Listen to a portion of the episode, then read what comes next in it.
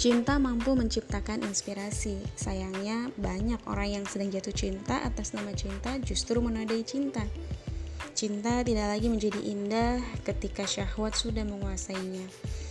Padahal cinta sejati itu seharusnya menyembuhkan, tidak menyakitkan. Seperti perkataan ulama besar asal Iskandaria Ibnu Attailah. La yukhriju asyahwata illa khawfun mus'ijun au syakkun muklikun. Perkataan ini bisa mencerminkan dua hal. Yang pertama, rasa cinta kita kepada Allah yang sangat luar biasa sehingga membuat hati kita tergetar.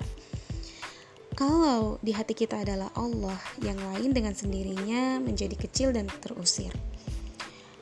Nah, yang kedua, rasa rindu kepada Allah yang sangat dahsyat sampai hati kita menjadi merana. Jika kita merasa merana karena rindu kepada Allah, otomatis kita tidak akan merana karena rindu kepada yang lain. Jika kita sudah sangat sibuk memikirkan Allah, otomatis kita tidak akan sibuk memikirkan yang lain.